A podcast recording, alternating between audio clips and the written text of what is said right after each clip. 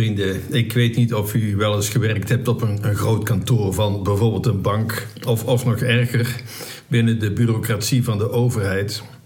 Daar hebben ze zelfs regels hoe je regels moet lezen. Voorschriften hoe je voorschriften moet uitvoeren. Er zijn duizenden en duizenden hoogbetaalde mensen aan het werk in ons land die een dag doorbrengen met het bedenken van nieuwe wetten, regels, voorschriften, dat soort dingen. De overheid is er goed in, bedrijfsleven niet veel minder en onze dierbare kerk kan er ook wat van.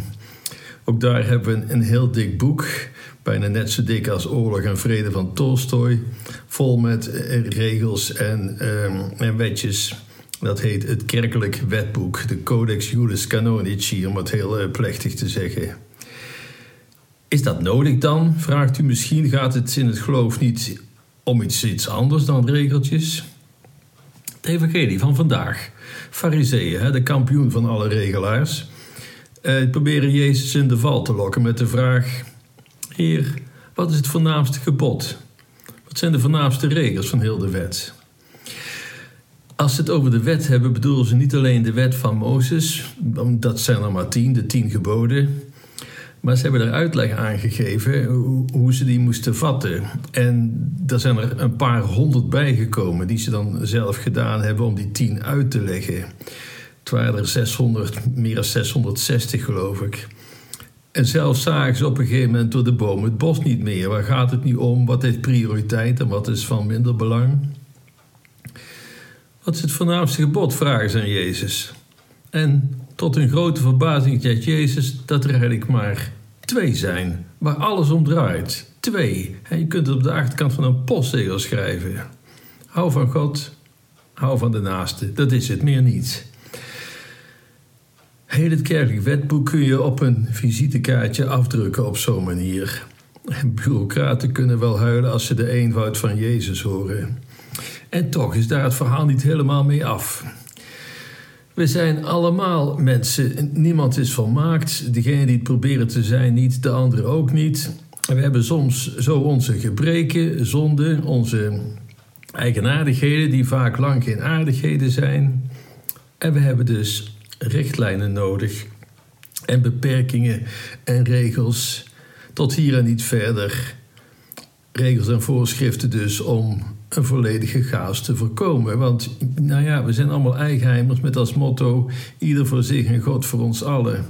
Eigenheimers met als leus naar onze zondvloed. Ik, ik, overdrijf nu, maar u snapt wat ik bedoel. Nog, nog dikker dan het kerkelijk wetboek is onze milieuwetgeving. Ik heb dat wel eens gezien. Het is ongelooflijk. Eh, ook die kunnen we trouwens vervangen door, door één regel. Heb respect voor het milieu, voor Gods schepping. Maar gezien we dat niet doen, dat, het, eh, dat anderen dat maar moeten doen en dat we het maar lastig vinden, ja, daarom zijn er duizenden regels met sancties als we er ons niet aan houden. Of je nou een benzinestation opent, of een slagerij of een kernreactor. Dan hoef je geen regel te zeggen dat je geen afval moet dumpen. dat weten we eigenlijk. Maar goed, dat doe je gewoon niet. Maar ja, zo zitten mensen niet in elkaar. Vandaar dus al die regels en sancties als het gaat over het milieu. In plaats van heel simpel die ene.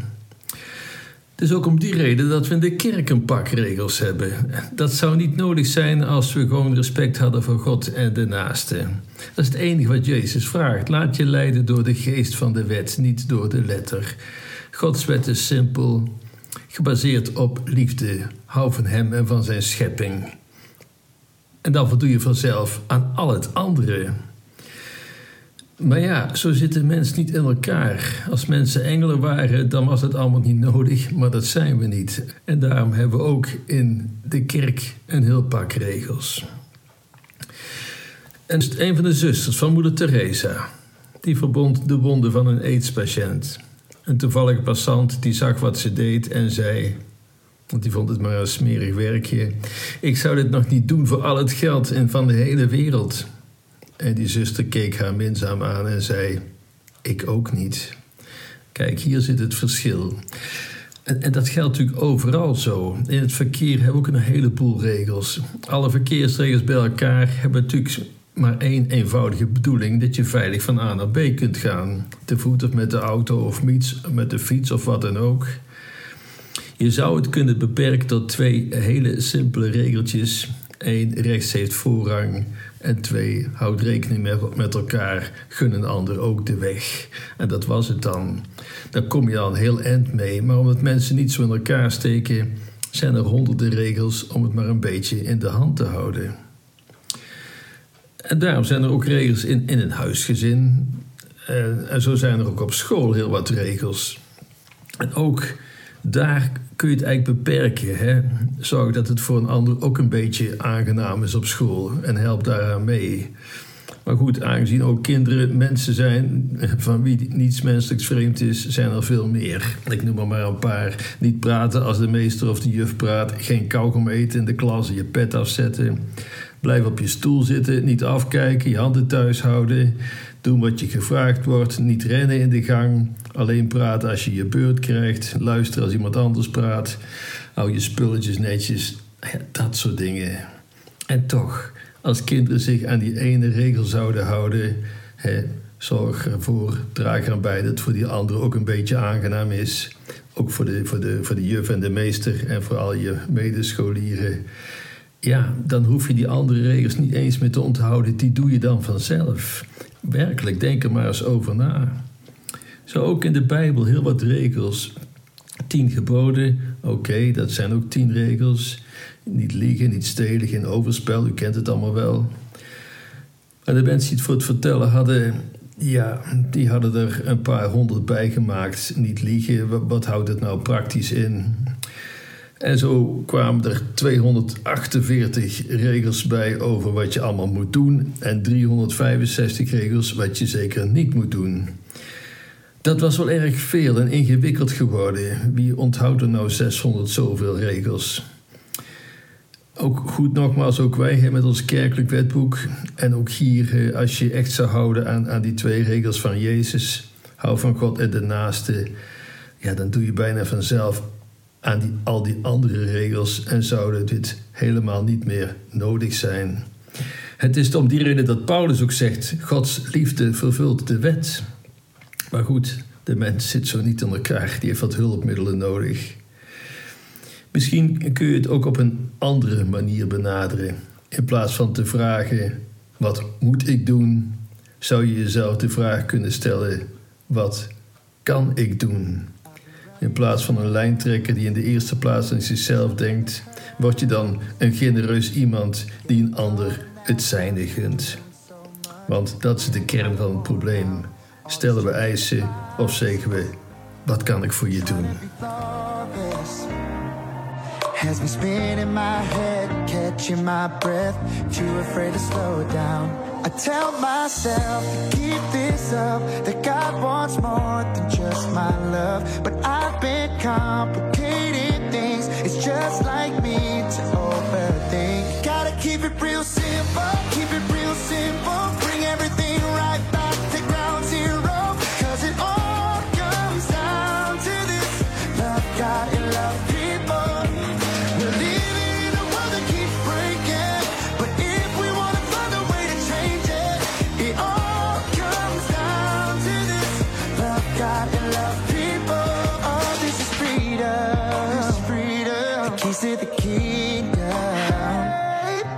Life will be found when love can be loud. Cause love is what it's all about. I tell myself to keep this up. That all God wants is just my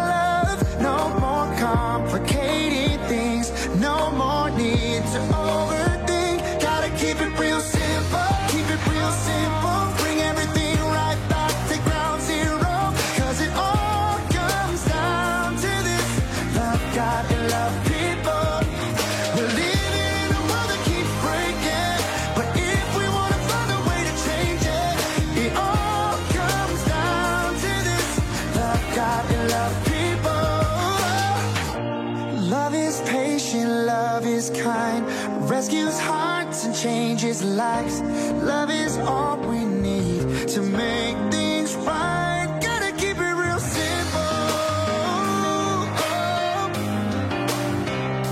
It's real.